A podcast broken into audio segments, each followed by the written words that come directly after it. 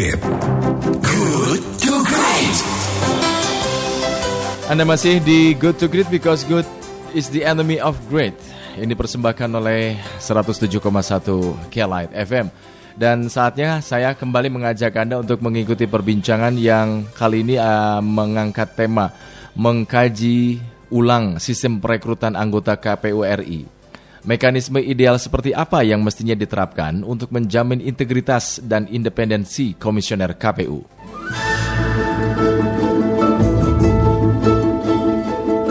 Sahabat Kelight, belajar dari kasus ditangkapnya komisioner KPU nonaktif Wahyu Setiawan terkait dugaan korupsi, sejumlah pihak meminta pemerintah mengkaji ulang sistem perekrutan anggota KPU RI. Sistem perekrutan anggota KPU yang dipilih oleh DPR setelah melalui rangkaian fit and proper test perlu dikaji ulang.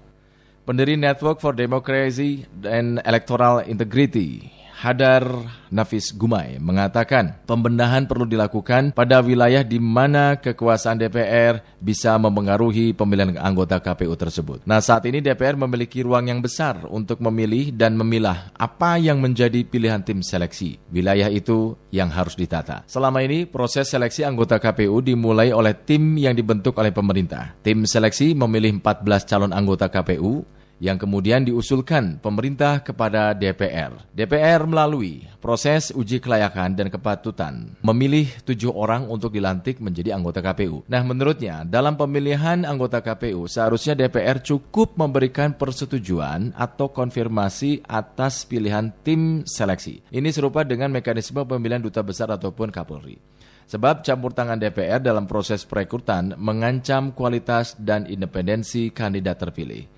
Lantas, mengkaji ulang sistem perekrutan anggota KPU RI, mekanisme apa ini yang mesti diperbaiki untuk menjamin integritas dan independensi komisioner KPU? Kita akan membahasnya dengan narasumber yang sudah terhubung, yaitu Pak Hadar Nafis Gumai, pendiri NetGrid, Network for Democracy and Electoral Integrity.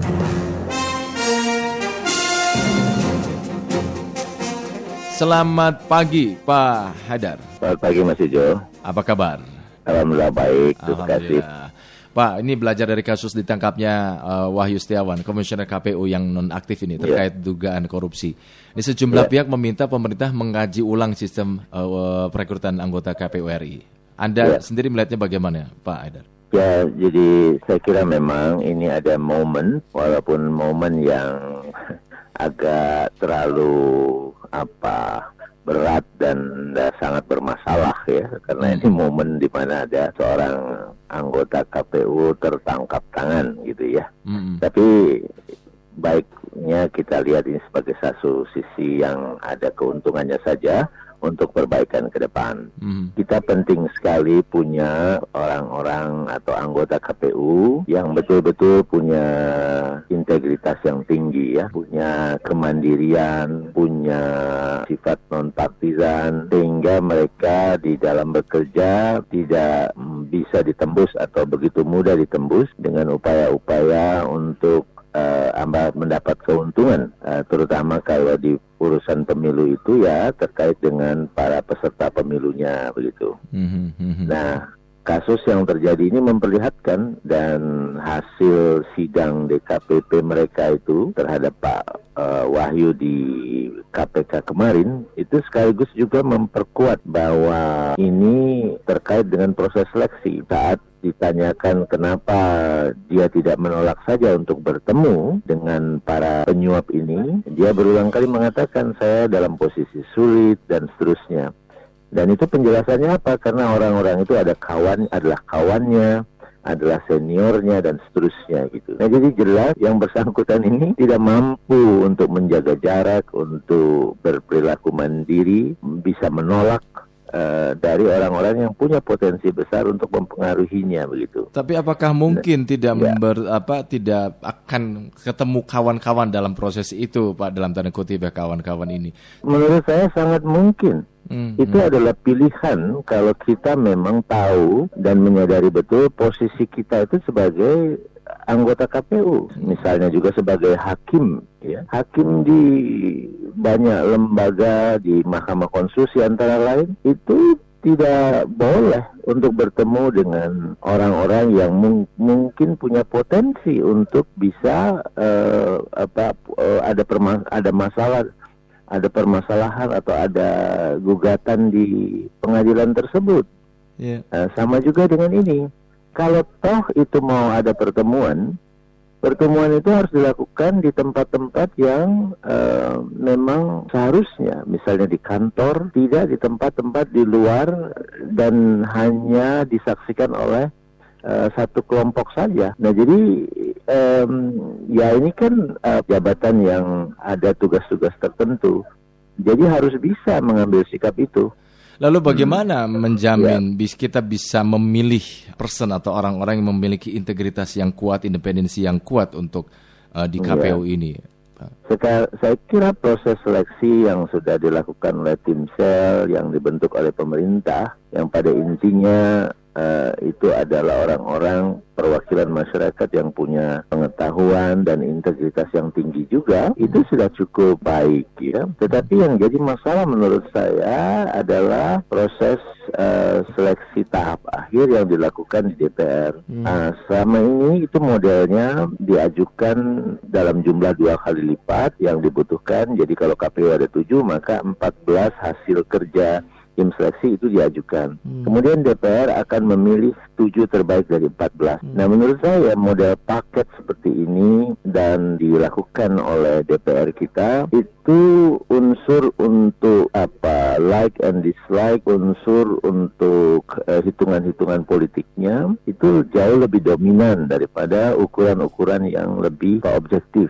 Nah, dengan adanya paket tujuh itu sangat mungkin antar fraksi itu bersepakat, oke, okay, Anda pilih dua, Anda pilih satu, kita buat tujuh, mari kita sama-sama untuk memilih tujuh ini gitu. Hmm. Nah itu menurut saya uh, uh, bisa me, uh, merusak ya um, seharusnya atau pilihan-pilihan yang yang terbaik. Jadi lebih pada preferensi apakah si calon anggota KPU ini nanti akan memudahkan kita akan lebih mudah kita atur atau tidak gitu. Daripada kita ingin dapatkan orang yang betul-betul harus bekerja seperti aturannya dan tidak uh, dan objektif gitu dan tidak membela peserta pemilu tertentu gitu. Jadi dia akan berlaku adil dan seterusnya gitu. Di sana sebetulnya yang perlu ditata ulang. Tapi apakah nah, mungkin kok apa uh, mekanisme seperti itu diterima gitu, Prof, apa ketika kita bicara hmm. memilih uh, anggota KPU ini atau komisar KPU ini, Pak? Ya tentu saya tidak bisa menjawab kemungkinan diterima bisa saja uh, besar atau tidak itu yang saya tidak tahu.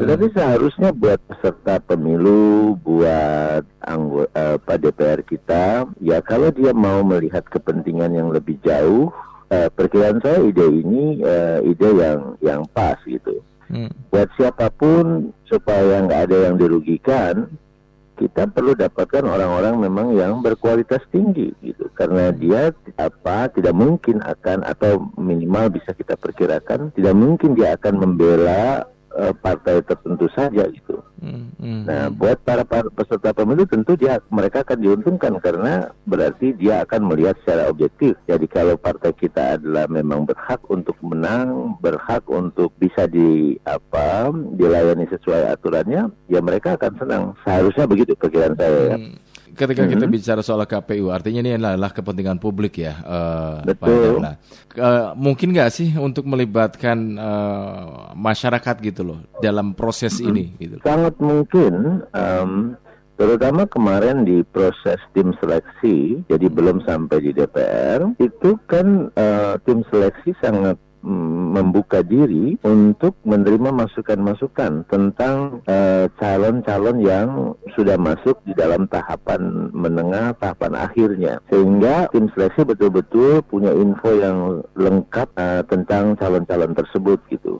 Hmm. Uh, itu ada ruangnya dan sangat mungkin diperhatikan. Bahkan di dalam proses yang terakhir itu ada koalisi organisasi masyarakat sipil yang memang punya perhatian uh, besar dan kepedulian besar, mereka bersama-sama bekerja untuk mengecek calon-calon uh, yang 14 calon tersebut.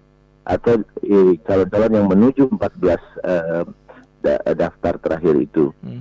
Hmm. Dan mereka memberikan catatan dan mereka secara resmi begitu e, memberikan catatan itu kepada tim seleksi untuk dijadikan bahan. Nah di DPR sayangnya um, ruang ini menurut saya tidak dioptimalkan optimalkan digunakan oleh DPR itu sendiri gitu. Mm-hmm. Uh, memang mereka membuka diri, tetapi saya tidak terlalu yakin itu uh, me, apa dimanfaatkan oleh fraksi-fraksi. Hmm. Jadi seolah-olah fraksi itu sudah punya preferensi sendiri orang-orang mana yang ini dalam tanda petik orang-orang kami, orang-orang yang memang kita bisa atur kira-kira begitu, hmm. orang-orang yang memang uh, komunikasi kita dengan dia nanti akan lebih lancar uh, dan mungkin ya bisa membantu kita, kira-kira hmm. begitu. Hmm. Lalu dalam, um, dalam nah, ya dalam pandangan Anda mekanisme yeah. seperti apa yang uh, seharusnya ya apa atau ya. ideal yeah. lah ya dalam pandangan Anda? Yeah. Mekanismenya nah, seperti apa? Ya, jadi ruang ruang untuk uh, fraksi-fraksi itu bisa uh, sendiri-sendiri atau bersama-sama memilih paket yang menjadi preferensi mereka itu lebih besar kalau memang kita memilihnya secara rombongan. Hmm ya seperti tadi katakan atau pola yang selama ini 14 daftar final itu diambil tujuh. Berarti itu ada satu paket tujuh gitu kan? Iya. Nah berbeda dengan kalau uh, satu-satu diajukan. Hmm. nah jadi uh, menghilangkan peran DPR saya kira sulit ya. Hmm. tetap DPR saya kira ingin punya peran untuk menentukan dan saya kira untuk modal kontrol tidak apa kita pertahankan. Hmm. Tetapi di dalam uh, peran melak DPR melaksanakan perannya itu cukup hanya konfirmasi saja. Jadi mereka tidak perlu memproses uh, panjang-panjang memberikan penilaian dibandingkan antara satu caleg dengan yang lainnya atau mencari paket uh, grup 7 dari 14 hmm. tapi cukup satu-satu jadi uh, tim seleksi misalnya menghasilkan ini satu orang terbaik, kemudian dikirimkan saja ke DPR melalui Komisi 2 itu. Tentu di situ harus presentasi, ada tanya jawab dan apa upaya cari tahu lebih jauh. Setelah itu mereka cukup menjawab, oke okay, kami menerima calon ini atau uh, kami tidak mau menerima calon ini menjadi anggota KPU. Hmm. Nah hmm. dengan satu satu calon saja, jadi itu itu sendiri mereka betul-betul bisa mendalami bagaimana kualitasasi calon ini gitu. Mm-hmm. Uh, dibandingkan kalau itu ada 14 mencari tujuh misalnya, um, itu uh, perkiraan saya bisa mengurangi pengaruh mereka untuk uh, memilih orang-orang yang oke okay, ini bisa kita kontrol nantinya, ini bisa menjadi dalam tanda petik orang orang kita gitu orang. Yeah. Uh, yeah. Nah saya kira itu Yeah. Um, nah dengan cara ini pun menurut saya kita perlu uh, punya satu proses pemilihan yang istilahnya berjenjang atau bertingkat gitu. Mm. Jadi kalau kita paket tujuh, paket tujuh itu setiap saat kita punya rombongan anggota KPU yang baru. Nah ini terkait dengan uh, kesiapan mereka bekerja. Yeah. Nah tetapi kalau kita melalui uh, proses seleksi yang sebagian-sebagian uh, itu kita akan selalu punya uh, komposisi anggota KPU yang tidak semuanya baru. Ada hmm. yang